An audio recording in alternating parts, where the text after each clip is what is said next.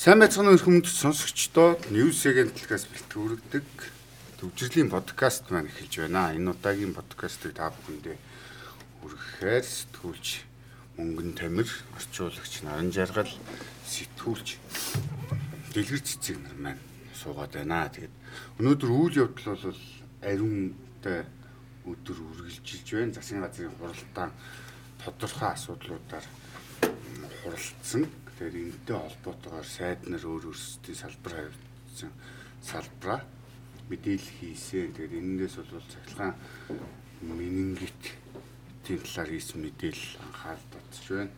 Тэгээ мөн дээр нь хөдөө аж ахуйг дэмжих үе дэмжих 3% зээлийн талаар салбарын сайд нь хийсэн мэдээлэл бас анхаарал татж байна. Тэгээд энэ тухай бид бүхэн та бүхэндээ хүргэх болно. Өөр нэг онцгой үйл явдал бас бас нь ардсан намын дараад нэр дэвшигч тийг бүртгэж авсан ийм үйл явдал болсон. Тэгээд энэ дээр ерөнхийлөгч асан Баттуулга бол хөгжлийн банктай холбоотой асуудлаар туслах нь орооцсон гих асуудлаар бол мэдхгүй бодзор гүтгэлэг гэдэг шиг гүтгэлэг гэсэн байна. Тэгээд ингээд та бүхэндээ онцлог мэдээллүүдийг танилцуулъя. Тэгэд өнөөдөр энэ менингитийн асуудал анхаарал татчих. Тэг ковидоос илүү анхаарал татсан асуудал болчлоо. Энэтэй холбоотойгоор эрүүл мэндийн сайдын эснэр бол нэг айлын хоёр хүүхэд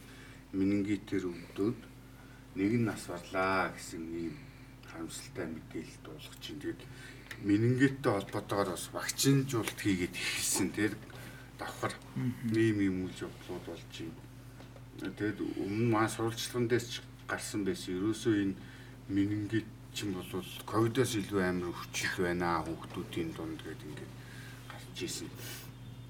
Энэ талаар мэдээлэл хаваалцаач байна хаа. Тэр менингит гэж би яг сонсчихсан болохос яг ингэж яг ингээ хүн амьд нас орд юм байна те ингэж ийм амар хүн төвшөнд хүрд юм гэдэг одоо яг анх удаа л харж яг баг бахта сонсчихсан. Тэгээд би ч бас өнгөрсөн талаа хүүхдүүд ер нь аа ханаа том уу яг ямар байгаа талаар бас өөрөө сурвалжлага бэлтгэсэн. Эхний хэлхээс болон сонгон хайрхан дүүргийн хүүхдийн имлэгээр орсон. Тэгэхэд бас очроос амар байсан. Яг ажлын яг бүр яг ингээд сурвалжлага бэлтгэнүүд яг ингээд харж байгаа тэг ажлын цаг тарахтаа хүлээ очсон. Яг хэд яг эцэг эхчүүд ингээд хүүхдээ аваад тэр эхнэлхсийн коридороор тэр сонгон дүүргийн имлэгийн коридороор ингээд битүү урч агссан. Тэгээд ингээд бүр тэгээд хүүхдүүд нь уйлаад Тэгээд ингээд яг юу яг яагаад байгааг мэдэхгүй эмчд үзүүлэх гэдэг. Эмч нь ганцхан эмчтэй байх жишээ нэг дүүргийн эмч. Тэгээд ямарс юм хөл толгойн мэддэхгүй. Тэгээд аюу хэцүү байсан ямарс тэр сурвалжлагыг бэлтгэхэд хүүхдүүд уйлдаал, ханиалдаал тий. Нэг тиймсээ тэр нөхцөл байдлыг үргэлжлсээр хагаад одоо яг менингетлээс юм байна л да тэр хүүхдүүд ерөөхдөө нэг юм байсан. Тэгээ менингет ч бас аюу хурдан гинт мууддаг юм байна тий. Тэгээд тэгээ буруу эмчлэх юм бол бүр аюултай тэр нэг өвдц энэ тэр нь хүний эрүүл мэндэд нөлөөлдөг янз бүрээр болдог саажилттай хүртэл болчдөг ийм аюултай өвчин байна. Тэгээд энэ тархалт бол өндөр байгаа гэдгийг эрүүл мэндийн сайд өөрөө хэллээ. Тэгээд дээр нь томоогийн өвчл бол маш их байна. Тэр инхорт сайтын хэлсэн үгэн дотор бас байгаад байгаа юм л тань 19-оос 2 21 он хамгийн өндөр өвчлөлттэй байсан Тэгэхээр ковид-19-ийн халдвар хүртснээс хойш томоогийн дархалт нэмэгдсэн ингээд ингээд бид нөгөө өмнө авсарцсан тий. Ханиад амар байна гэл шалаар нэг зулцсан ор байхгүй байх нэмлэгт гэл ингээд зөндөө мэдээлдэг байсан тэр тэр ковидын үед болох тэр хайцсангүй гэртээ хүүхдүүд байсан хоригдсон байсан болохоор тэр томоогийн тархалт бол гайгүй байсан. Хэдий ч хамгийн өндөр байсан гэдэг эрүүл мэндийн сайд хилээд байна тэгээд Тийм болохоор хүүхдүүдэд бас энэ өвчнөөс хамгаалах, айлуулах дархлаагийн дэмжих, вакцинд хамруулах тийм ийм шаардлага зүйлсээр гарч ирж байна. Тэгээд тэгээд энэ менингитийн өвчлөл нь яг яг энэ өнөөдөр ингээ харж яхад бол манай эрүүл мэндийн салбарын нөөц хүчин чадал ямар байгааг л энэ харуулж байна л та. Яг энэ дээр бас яг анхаарал татж байгаа зүйл нь эмч хүчний нөөцөө бэлдэх те одоо тэдрийгээ илүү нөгөө боловсон хүчнээ бэлдэх мэрэгшүүлэх шаардлагатай болоо эцэгчүүдийн зүгээс бол яг энэ хүүхдийн ялангуяа бага насны хүүхдийн судцыг олоод тарьжих ин чадвартай совлогч нар бол айгу хомс байгааг бас нийлээ шүмжилж ийсэн. Тэгэхээр энэ бас өөрөө бас нэг анхаарах хэрэгтэй сэдвийн нэг байсан. Тэгээ манайхан чи юм болохоор л гинт ингээл сандарцгаадаг. Тэгээ яагаад өмнө нь энэ дэр хуусын сэргийлээгүй мэдээлээгүй вэ? Нөгөө төгөөс нэг эцэгчүүд өөртөө бас давхар хариуцлагатай илүү хүүхдэд анхаарах хэрэгтэй болов. Хэлхсэн бүрэн хөгжим шалтгаан ажиллана гэдэг Ямар а тэр сонгон харихын дүүргийн имлэг чи хуучин имлэгээ одоо буцаад ашиглана энэ ор бүрэлцэхгүй бол тэр имлэгийг ашиглана хүүхдийн ор дэлгэн тийм бас мэдээлэл явьжсэн. Хаа ана хүнлэх шиг байна. Харин тийм. Орхон аймагчаас цэцэрлэг цэцэрлэгийг дархан тос. Яа дархан тийм. Орхон дархан. Орхон дархантай аль алинд нь цэцэрлэгийн үйл ажиллагааг төр хугацаанд хаалга ажилласан. Ийм дэлгэн. Цэцэрлэг бол гэдэг үнэхээр амар баг. Тийм шүү дээ. Бага ханиалгасан хүүхдүүд л тэгээ анги болгоно. Бүгдээрээ л настай хүн шиг бөхшүүлээ л гэж байгаа. Тийм. За тэгтэл өнөөдөр засгийн газрын хуралдаанаас бас нэг сайдын анхаарал татсан асуудал нь болохоор замтгэрийн сайд халтрын хэсэг 5 толгой зүүн баянгийн замыг чиглэлийг эх 7 хоногт нээнэ гэд тэ энэтэй холбоотойгоор бас нэг жагсаал болоод байгаа. Тийм нөгөө э, нүүрс тээвэрлжсэн жолооч жагсаал хийж байгаа тэмцэл хийж байгаа. Энэ талаас ч гэсэн та бүхэн нүүрс агентлагийн бас нямсүрэнгийн нийтлж нямсүрэнгийн нийтлэлийг уншаарай Тэгэхээр одоо бол энэ эрчим хүчний нүүрсээ эдийн засгийн эргэлтэнд оруулъя гэдэг манад дэлгэр цэцэг бичсэн тийм. Энэ яг л нөгөө бидний уг ганц орлогын их усүр том ашиг болох боломжтой юм байгаа даа шүү дээ. Тэгээ бид нар одоо энэ нэг ёсондоо одоо энэ жолооч нар ингэж ягсаад байгаа чинь жолоочоос гадна томоохон энэ нөгөө энэ тээвэрлэлтийг чинь өмнө хийжсэн тээвэрлэлтийг бол нэр бүхий тий нөлөө бүхий энд улс төрчнөр ард нь байдгаа гэдэг мэдээллийг бид нэр бүгдээрээ л гарч идэг бүгдээрээ л мэднэ болцсон тий хичнээн танил болцсон. Гэтэл ингээ нөгөө хөгжлийг сааруулах байгаа юм шиг юм жигсаал цуглаан хийгээд тий нөгөө энэ төмөр зам одоо ашиглалтанд ороод тэгээ энэ чингэлгээр тээвэрлэлтийг эсэргүүцэж байгаа юм шиг юм сонин юм гараад нь шүү дээ бид нар. Гэтэл бид нар чи одоо энэ эрчим хүчний нүүрсээ өөрсдөө боловсруулаад уган цахилгаан станцаа болдог бол бэрдгийн бүгдийг бариад эрчим хүчний хүчээ экспортлмоор байна шүү дээ тийм санаагаар одоо үнийг л гойлго юм дээ. Эрчим хүчний яг энэ нүүрсээ бид нэр ашиглаж чадах юм бол бид нар яг одоо нэг экспорт дээр нэмээд илүү тэлэх дээрээс нь юу гэдгийг газ, хий үйлдвэрлэх цахилгаан станцуудаа нийлүүлж одоо шахмал түш гэдэг бүх төрлийг одоо ингээд одоо боловсруулад илүү түүхийн нүсээ боловсруулад илүү ашиглах одоо хөгжих боломжтой юм билээ. Гэвч яг өнөөдрийн юм нөхцөлд бол нэгт одоо төмөр замын асуудал хоёрт энэ ашигт малтмал ашигласны энэ татвар тий энэ хоёр дээр л ерөөхдөө яг энэ эрчим хүчний нүүрс нүүрс ашиглагад ер нь асуудал үүсэж байгаа юм билээ л дээ. А тэгээ төмөр замын асуудал дээр бол угаасаа яг нөгөө салбарын уул уурхай ассоциац нүүрсийн ассоциацийн зүгээс бол төмөр зам бол одоо яриад хэрэггүй олон жил ярьсан. Одоо бол угаасаа бага хэмжээгээр тэгтээ эрчим хүчний нүүрсээ одоо экспортлж байгаа гэсэндээ а энэ татврын асуудал дээр яриад байгаа байхгүй нэг нэгцэн ойлголтод юу н хүрч хэрэгтэй юм шиг. Яг энэ татвар дээр нөгөө сангийн амт засгийн газрын зөвс өндөр татвар ногдуулна гэдэг. Гэтэл нөгөө эрчим хүчний нүүрс нь өөрөө зах зээл дээр одоо 150 ам долларт одоо үнэлэгдэж байхдаа амнатын төлбөр нь 400 ам долларын одоо жишгээр тоолж татвар авах гэдэг байхгүй юу. Тэгээ хэрвээ ингэж татвар авчих юм бол энэ уулын уурхайн компаниуд чинь дампуурн гэдэг ийм байр суурийг одоо илэрхийлээд байгаа юм лээ. А тэгэнгүүт сангийн амтсгийн газрын зүгээс бол ер нь одоо экспорт тодорхой хэмжээгээр үргэлжлэж байгаа. Ийм учраас ерөөхдөө эн чинь одоо өндөр дотор бол ногдулсан. Одоо улсад ер нь бол ашигтай гэж үзээд байгаа юм билээ. Тэгээд энэ эрчим хүчний нүүрсийг одоо ингээд тээвэрлэж экспортлж чадахгүй ийм юм асуудлаас болоод одоо нуур хам дээр овоорцсон яг энэ өөр байгалийн баялагийг өнөөдөлж үнцэн зөрчиж байгаа гэж уул уурхай ассоциац нүүрсийн ассоциацаас үзэж байгаа болохоор ерөнхийдөө шүүхэд бас хандаад байгаа лээ. Яг энэ асуудал дээр уул уурхай яамны зүгээс л ашигласаг байгуулагдсан тал талын хамтарч ажиллаж байгаа лээ. Өмнө бид нар энэ тээвэрлэлтэл маш сайн шийдчих юм бол одоо энэ ашиглалтанд оруулаад байгаа төмөр замч ерөөсөө тэрийг шийтгэж байгаа л үйл явц шүү дээ. Тэг чим бол аман дээрээ тэр 40 доллар байгаа нүүрсийг нь яг зах зээл дээр нэвэчээд тэр газар руу зөөж яваачаад 400 доллараар зарч боломж байгаа байхгүй. Хамгийн гол нь хурд тий Тэг чинь бид нэр одоо нэг ястмөлхийн нүүдэл шиг юм одоо гуугаад тий 21-р зүүн 100 машинаар зүгөө явж ийн гэдэг бол манах шиг юм ус байх баха. эсэргүүцээд улс төрчтөн тэрийг нь хийдэг те. Бизнесээ болгоцсон. Тэгээд тэрийгээр ингэ дамжуулаад эсэргүүцэл илэрхийлээд одоо энэ засаглалуудын тэргүүнүүдэд шаардах бичиг бүргээ явж ийн гэдэг бол оногоо байгаа байхгүй юм. Эрүүл ухаанаар харахад бол тийм. Энэ бас энэ дэр нэг юм асуудал юм л дээ. Одоо нөгөө нүүрс одоо хөр нүүрсийг одоо яг энэ экспортын нүүрс нь хвчлэн говийн бүст байдаг. А тэгтэл одоо нөгөө сангийн яамнаас одоо засгийн газраас энэ нүүрс угаах үйлдвэр байгууллагын бүтээн байгуулалтын ажлыг эх хонд хэрэгжүүлнэ гэдэг яриад байгаа байхгүй юу? А гівч яг энэ усны асуудал бас өөрөө нэлээд тулгамдж байгаа юм билээ. Тэгэхээр яг энэ тал дээр бас яа шийдэх вэ гэдэг нь өөрөө бас нэлээд анхаарал татсан санагдсан л та. Тэгээд энэ зам тээврийн сайдын асуудлаас нэлээд анхаарал татж байна тий. Яг 15-даа огцрохгүйгүй юу гэд. Тэгээд нь энэ төмөр зам нь өөрөө ашиглалтанд орчсон зүгээр яг альбиасны нэлтэл хийгээгүй байгаа юм лээ туршилтын тээврийг эхлүүлчихсэн. Хүмүүс болохоор нөгөө зарим хэсэг нарахтаа энэ төмөр замч ашиглалтанд ороогүй гэж ойлгоод байгаа.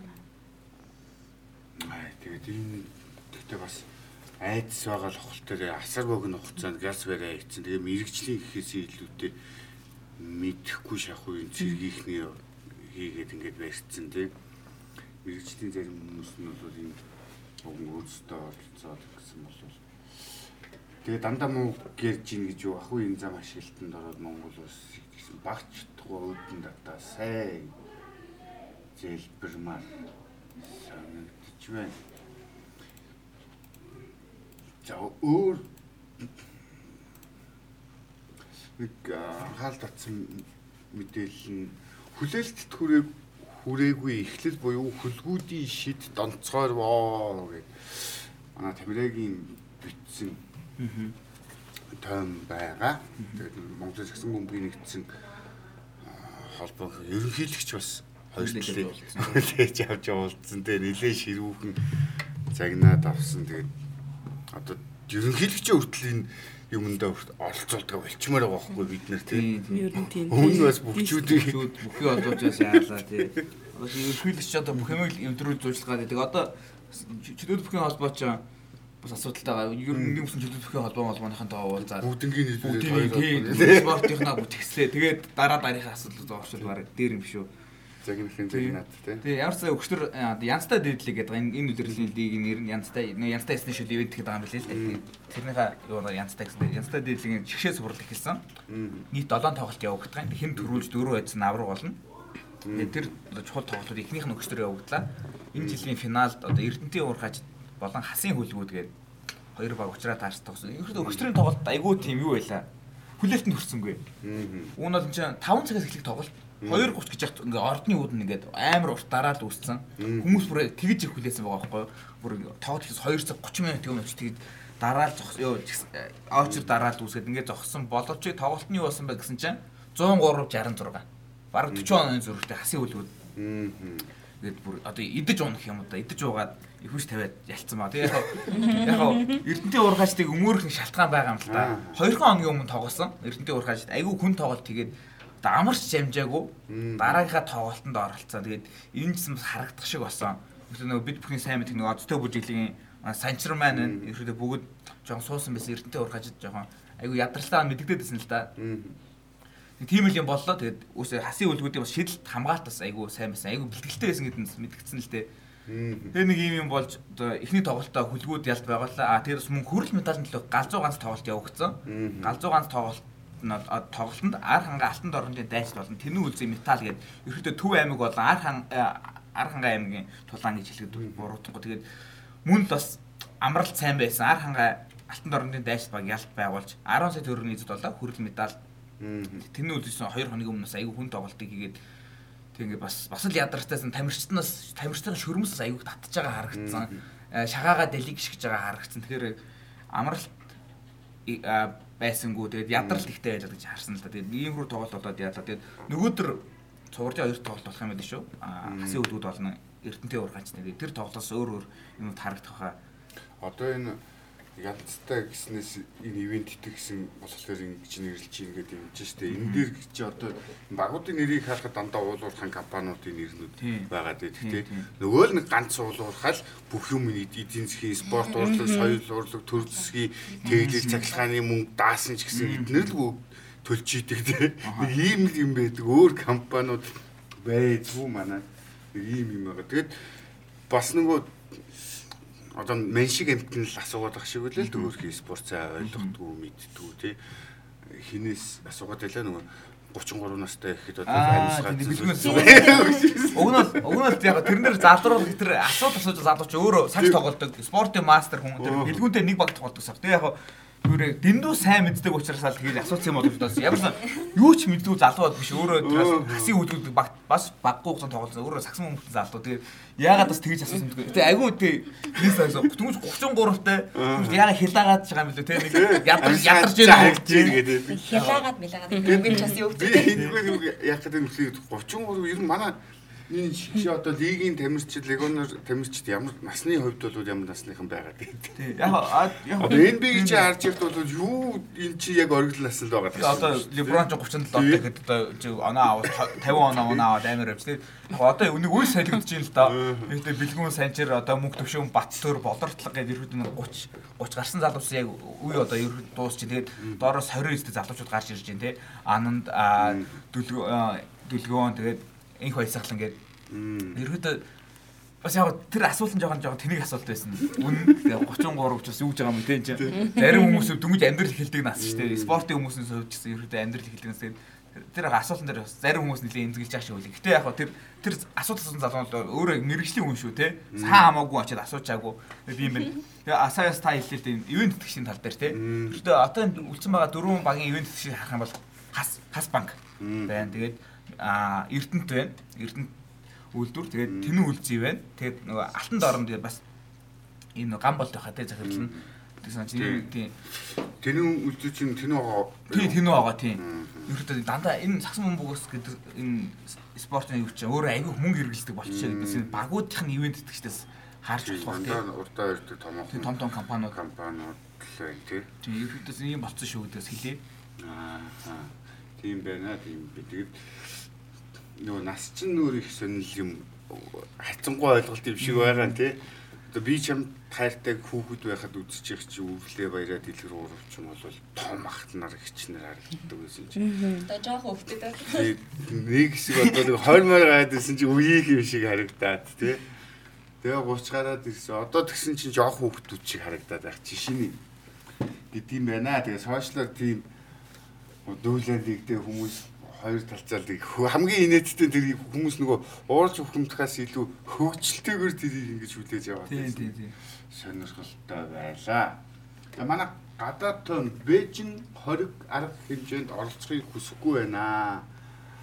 А гэдэг энэ мэдээ эсүүгийн мэдээ энэ мэдээ ер нь бол одоо нөгөө нэг Бээжин чинь бүх юмнаас жоохон холоор дөлцсөн байгаа шүү дээ. Хятад бол ерөөсөө тэгээ Орос Украины дайнаас бөөр хэлсэн байдалтай айл альныхын талдыг орохгүй. Яг энэ дундаас бол яг ялагч нь ер нь бол хятад болж цоцгоод байна гэд олон улсын ажиглагчид бас харж байна. Хөдрөө нуусан байдалтай тий. гол тоглогч болж гарч ирэх нэ гэсэн болгоомжлоо. Одоо тэгэл яг дайны үеэр ч бас дайн дууссан хойно ч гэсэн маш олон одоо эдийн засгийн муу нөхцөл байдал үүснэ. Энэ нөхцөл байдлаас хятад яг нөгөө уснаас хуурай гарах аргыг эрэлхийлж байна гэдгсэн байлээ. За тэгээд одоо нэг хятад Ши Жинпин өнгөрсөн 7 хоногт Европын албаны удирдлагуудад хандаж бас мэдээлэл хийхдээ ер нь бол Орос Украины дайныг зогсоох яриа хэлэлцээнд зуучлагчийн үүргийг гүйцэтгэдэг гэсэн ийм санал тавьсан байлээ. Тэгэхээр бол ерөнхийдөө нөгөө аль аль талд нь орохгүй л гэсэн энэ байр суурин дээрээ байгаад байгаа шүү гэлээ. Тий. Тэгээд энэ талаар манай гадаад томыг анх туяа маань хэлсэн байгаа. Орос Украины дайны ялагчийн хятад байх уу гэдэг. Тэгээд бас нэг сонирхолтой юм зүгээр нэг энгийн ухаанаар бодсон ч гэсэн хятад бол энэ Оросын эсрэгч байд юм уу?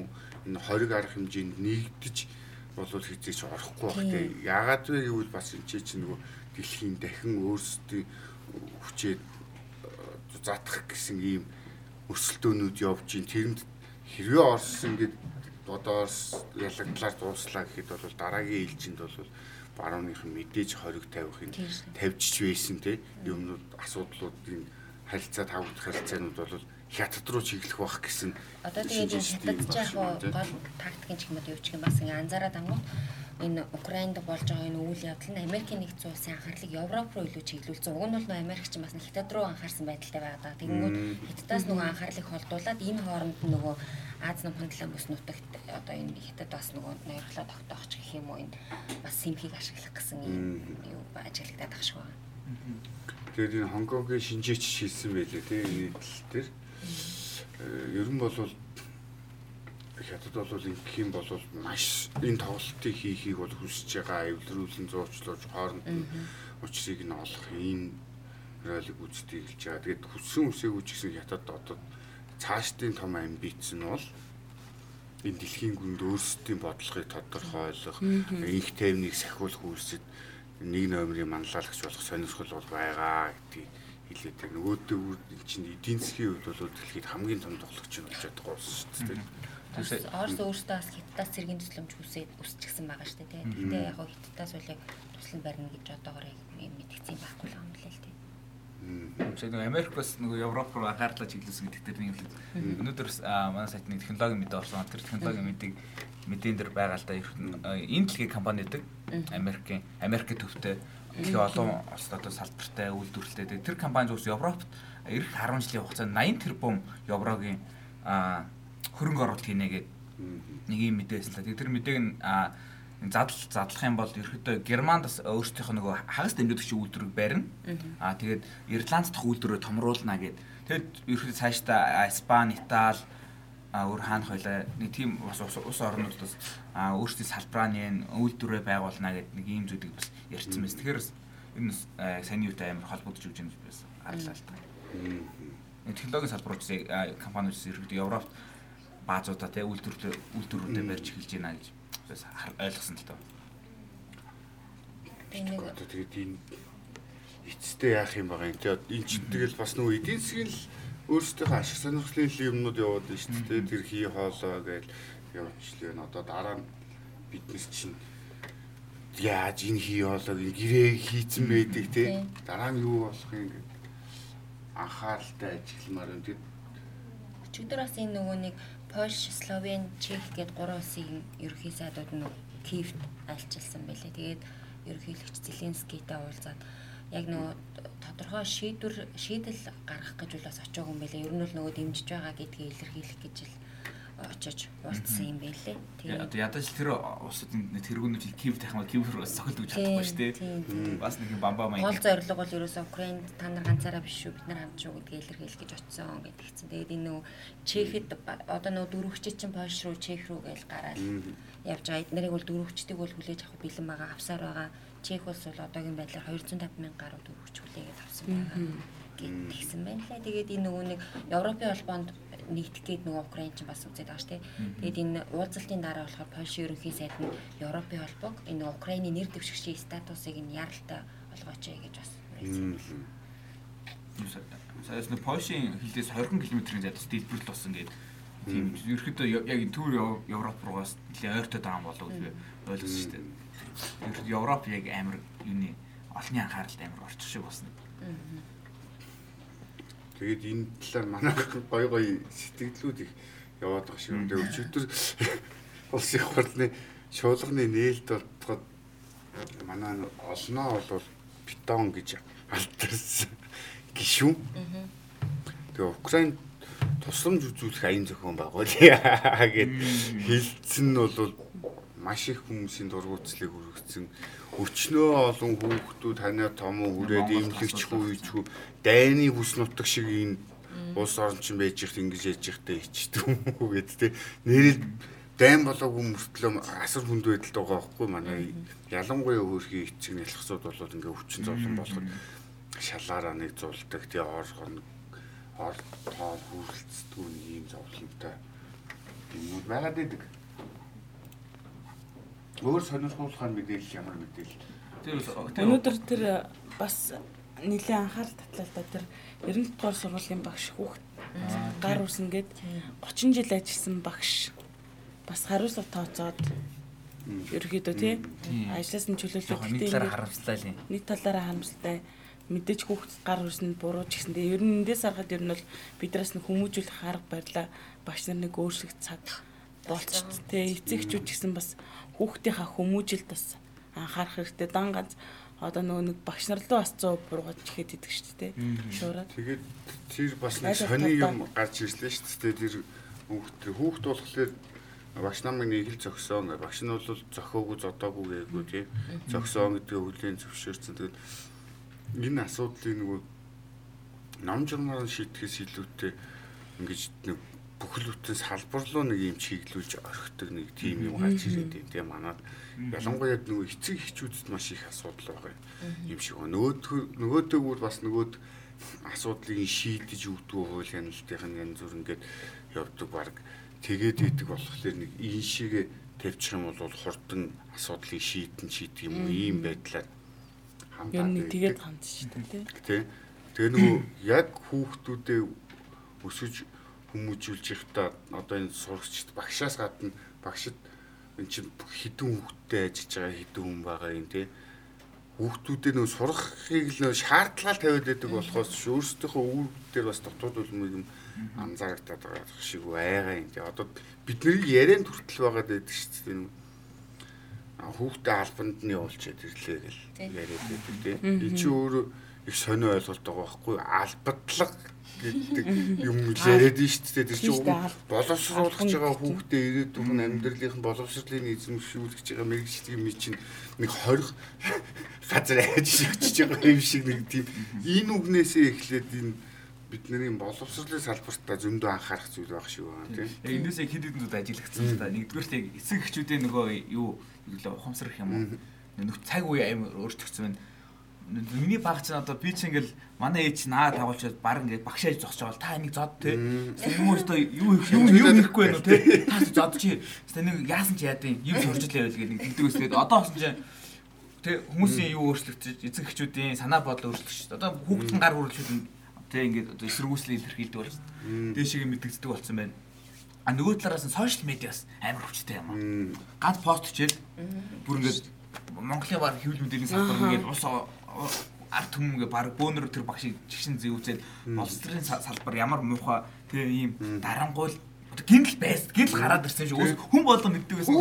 Тийм хүү па. Тийм багш байд юм уу, байд юм уу те. Хүн шавья зоцдог юм багш ихтэй жигшмэгш хариуцлага хүлээлт мүлээлт ийм гинт ийм болчихсон сошиал медиа бүр амар байна.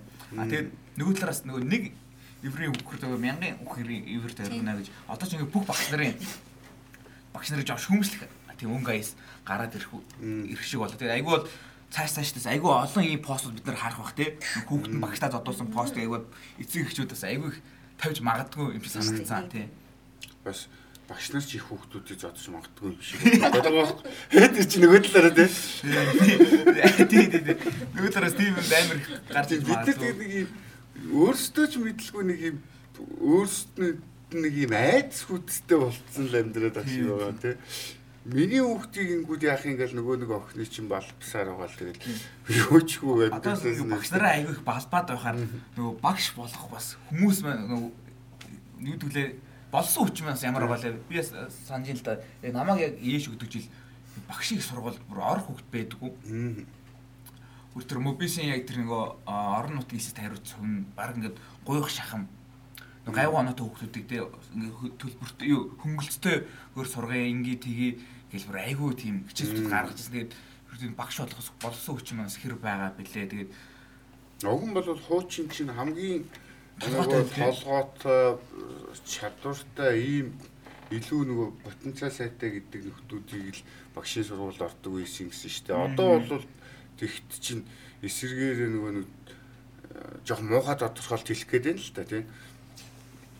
Яг нэг үгүй хэлэхэд нэг жоохон сурлага таарав ч юм уу тийм нөхдүүд нөгөө шалгалтаа харж харж ягаад очиж ордог тийм. Сургуулиудын нөгөө нэг илүү оноонуудад нь аваад аваад явчихдаг хуваа тийм тийм байдлаар ханддаг болцсон гэх нэг юм гонигт мэдээ сонсч ийсэн тэгээд аль болох тайвнаар асуудал эрүүл саруул ухаанаар ер нь шийдэх хол руугаа буурах шиг байна. Тэгээд тий ямар цалин авч байгаа хүмүүс үлээ. Тэгээд бүх юмтай ингээд өглөөнөөс орой үртэл нөгөө яг хичээл тарахч болдог, багш нарч галзуурах болдог. Тэгээд хичээл тараа тайвар тайвширдаг гэдэг нэг байна гоод байдаг шүү дээ. Явсаар гал хүүхдүүдэд ажилласан чинь маш хэцүү. Явсаар явсаар гал хавар болоод бүрстэй дээд зэгтээ үрэл галзуурахад ганц суруу дутуу болж итэл тэгээ нэг ашгүй зуны амарт ихтэй амарт шиг байгаа. Тэр талаараа тэгээд тэр бид бүхэн бол нөгөө зодсны өмөрж байгаа юм биш. Асуудал гэхдээ бодиттой зогсон шийтгэл юмыг нь оноогоосаа гэдэг үгнээс юм бүхнийг ярьлаа. Тэгээд энд хүрээд манай төвчрлийн подкаст маань үндэн төрлөж байна. Маргааш өнөөдөр хийгээд шинээр өрнсөн үйл явдлуудын үргэлжлэлийг та бүхэнтэйгээ шин мэдээлэлтэй танилцуулахаар ирхэн уулзъя. Баярлалаа баяртай. Багт үчирээ. Баяртай. Тэ.